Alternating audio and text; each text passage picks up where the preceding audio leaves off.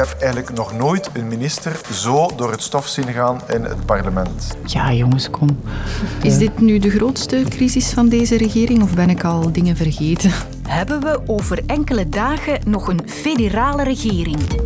Koning Albert ligt in het ziekenhuis. Albert vertoonde tekenen van uitdroging en zal vandaag onderzocht worden. Hoe wordt een koning op leeftijd omringd? Zou jij in de gracht rond het Graafsteen zwemmen? Kajakken heb ik al gedaan, maar zwemmen, dat weet ik toch nog niet zo zeker eigenlijk. Jawel. Ja? En we willen meer zwemplekken in onze steden. Hoe kunnen we dat realiseren? Dit is je dagelijkse duik in de actualiteit. Welkom bij het kwartier met Sophie van der Donkt. Drie keer is scheepsrecht, is de uitdrukking. Maar voor minister van Buitenlandse Zaken Hadja Labib van de MR is het ook de derde keer nog niet gelukt om de regeringspartijen te overtuigen in de visa-kwestie. Al twee weken is er discussie over een delegatie Iraniërs die een visum gekregen hebben om naar een burgemeestersconferentie in Brussel te komen. En gisteravond is Labib daar dus voor de derde keer over ondervraagd in het parlement, vier en een half uur lang. Ik moet inderdaad toegeven dat we de zaken anders hadden kunnen aanpakken. Iedereen kan sorry zeggen. Hè. De vraag is waarvoor zeg je sorry en wat zal je eraan doen. Dus uh, voor ons is dat inderdaad wel de essentie. Waar wij geen antwoord op hebben gekregen, wat zou u de volgende keer doen? Ik heb ook gezegd dat ik spijt heb van hoe de zaken gelopen zijn. Toch denk ik dat onze keuze in de context die we geschetst hebben te verantwoorden was. Je pense qu'on peut convenir que vous avez menti à la Chambre. Je reconnais une imprécision, mais ce n'est pas un mensonge. In elk geval voor ons zeer spijtige zaak dat het twee weken heeft geduurd voor u hier heeft gezegd dat u wel degelijk verantwoordelijk bent voor het uitreiken van die visa. J'ai exprimé des regrets, ça aurait pas dû se passer comme ça. Et puis, euh, voilà. Et maintenant, votre sort, votre sort est dans la main des autres. C'est normal, c'est entre les mains du Parlement. Haar lot ligt in handen van het parlement, zegt Labib zelf. En wellicht ook het lot van de hele federale regering. Dus wat kunnen we nu verwachten in de komende dagen? Vier vragen heb ik afgevuurd op Johnny van Zevenand. 1. Welke regeringspartijen hebben nu vrede met de excuses van Labib en welke niet? Maar uiteraard, de liberale partijen doen niet moeilijk. Ook CD&V doet niet moeilijk. Ook voor vooruit volstaande woorden van Labib. Fractieleidster De Prater was tevreden toen Labib toegaf dat zij de enige verantwoordelijke was voor het afleveren van die visa. Groen-fractieleider De Vriend vond wel dat eh, Labib ja, goed door het stof was gegaan maar hij was nog niet helemaal tevreden. Maar het zijn uiteindelijk PS en Ecolo die gisterenavond duidelijk zegden dat ze het vertrouwen niet willen geven aan minister Labib. 2. Waarom willen de Franstalige socialisten en groenen dit nog niet afsluiten? Wel met Labib willen PS en Ecolo onrechtstreeks en mervoorzitter Boucher treffen. De stokenbrand die akkoorden binnen de regering meteen afbrandt die ook volop duwde op ecolo-staatssecretaris Schlitz om die tot ontslag te dwingen. Die ook degene was die Labib deed zeggen dat de visacrisis de schuld is van de Brusselse regering, van de afgetreden Brusselse staatssecretaris Smet. Er is niet alleen payback time tegenover Boucher. De Brusselse afdelingen van PS en Ecolo zijn bang stemmen te verliezen aan Labib. Zij was de Martin Tange van het RTBF-journaal. In de peiling is erg populair. Ze heeft ook een progressief imago en kan dus stemmen afsnoepen van PS en Ecolo in Brussel. 3. Als Labib donderdag in het parlement niet meer het vertrouwen krijgt, wat dan? Wel, in de, in de, meer dan 35 jaar dat ik de politiek volg, heb ik altijd meegemaakt dat de minister die een vertrouwensstemming verliest, effectief opstapt. Die houdt de eer aan zichzelf. Maar eh, MR-voorzitter Boucher is geen gewone. Die zegt nadrukkelijk dat minister Labib hoe dan ook geen ontslag neemt.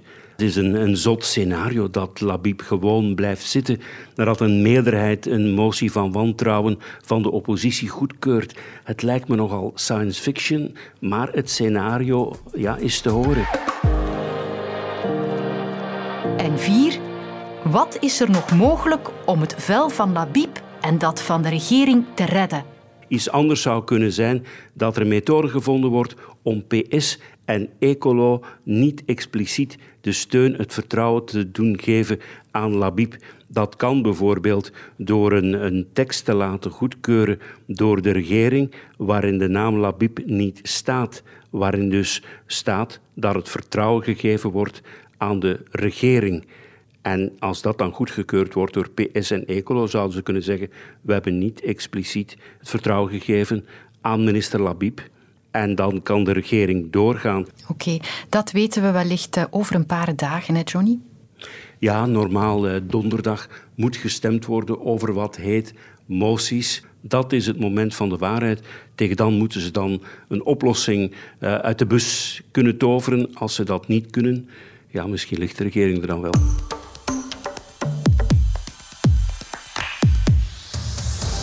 Belgischer Rundfunk. Die Nachrichten. Nach einem Unwohlsein ist König Albert II. in ein Krankenhaus gebracht worden. Er zou tekenen van een uitdroging hebben vertoond. On apprend aussi que le roi Philippe a reporté une visite de l'université de Gand prévue ce matin en lien avec l'hospitalisation de son père. 89 is hij al, koning Albert. En dat je op die leeftijd alles in het ziekenhuis belandt, hoeft niet per se te verbazen.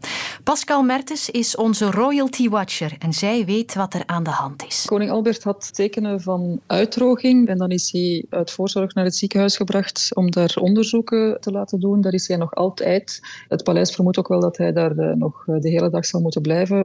Hij is wel met bij bewustzijn, dus ze zijn niet gealarmeerd. Ze benadrukken dat het allemaal gebeurt uit voorzorg. En koning Albert heeft al enkele jaren problemen met zijn gezondheid. Koning Albert heeft toch al wel een paar serieuze eh, gezondheidsissues gehad. Hij heeft bijvoorbeeld al een paar hartoperaties gehad. En soms zie je hem met een, een, een pleister op zijn hoofd. Dat is om kankervlekjes weg te halen. En als je hem nu ziet, ja, we zien dat hij moeizaam loopt eh, met een wandelstok. Met de ziekenhuisopname vandaag vroeg ik mij af hoe brengen koning Albert en koningin Paula wat meer buiten de spotlights hun oude dag door?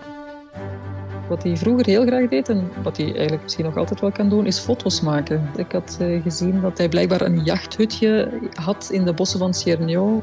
En dat hij dus van daaruit in alle rust uh, foto's kon nemen van de vogels of de herten of welke beesten dat daar ook uh, rondliepen. Ook royalty-kenner Joël van den Houden heeft wel een idee. Vandaag waren zij in het kasteel Belvedere, dat is hun officiële residentie. Belvedere kan je eigenlijk, als je het kasteel in Laken ziet, dat ligt daar eigenlijk zo met je schuin tegenover. Het is eigenlijk een heel mooi kasteel. Het is echt een woonkasteel. Het is niet zo groot als Laken, maar het is veel huiselijker. Koningin Paula heeft ook altijd heel graag getuineerd en die, die tuinen zijn, zijn magnifiek. Ze heeft wel smaak en het personeel om dat allemaal te onderhouden. Daar zijn ze nu nog, op hun oude dag zijn ze daar nu nog mee bezig. En als ze niet in Brussel zijn, kan je hen vinden in een van hun buitenverblijven. Zo hebben ze optrekjes in de Ardennen, Oostende, Parijs en Rome. Hij en koningin Paula, zij reizen heel graag. Ze hebben dat altijd graag gedaan. En ze zijn bijvoorbeeld heel veel in Italië. Italië is het thuisland van koningin Paula. En uh, daar maken ze bijvoorbeeld wel cultuuruitstappen. Um, ze waren uh, in april nog in Rome bijvoorbeeld. Daar hebben we ze gezien. Ze waren daar samen met uh, prins Laurent en prinses Claire en hun kinderen. Albert en Paula zijn toen op bezoek geweest bij de paus. Maar we hebben ook koning Albert gezien dat hij een, een kerk bezocht heeft. Een van de belangrijkste barokkerken van Rome. waaruit dus inderdaad blijkt dat hij nog altijd van cultuur houdt. Maar het koningspaar is ook geregeld in Villa Les Romarins in het zuiden van Frankrijk. Vroeger hadden ze daar ook een jacht liggen. Dat is, vorig jaar is dat verkocht geweest, want de koning en de koningin hebben eigenlijk altijd graag gaan varen. La mer daar worden ze eigenlijk een beetje te oud voor. En daar moest ook altijd personeel op zijn. Je gaat met, met zoiets groot gaat, gaat je niet zomaar met twee mannen uitvaren. Albert is bij de marine geweest. Uh, hij is van de zee gaan houden. Hij heeft ook van de zee gezegd toen hij jong was nog... Uh, ja, dat, dat, dat hem daar heel veel van houdt van die zee. Dat hij daar zoveel mogelijk probeert uh, te zijn. En dat dat eigenlijk de enige plek is waar hij zich helemaal vrij voelt vroeger al. Daar voelde hij zich onafhankelijk, door niemand gestoord. Dus dat ze veel met hun boot onderweg waren, uh, is wel te begrijpen. En goede zorgen, die krijgen ze zeker. Weet je, dat is zo van, van Albert, van, als dat hij een klein kind was, was daar personeel en was daar volk en daar werd voor gezorgd. En die mensen die groeien zo op met, dat, met die gedachte, dat is zo en dat is normaal. Die hebben een levensstandaard, die hebben altijd die dotatie. Die, die, en die vinden dan normaal dat dat geld daar nog altijd binnenkomt en dat er nog altijd voor hen gezorgd wordt. En het is een beetje dubbel natuurlijk, hè, maar dat is zo. En intussen weten we uit het recentste gezondheidsbulletin dat koning Albert zeker twee dagen ter observatie in het ziekenhuis zal moeten blijven.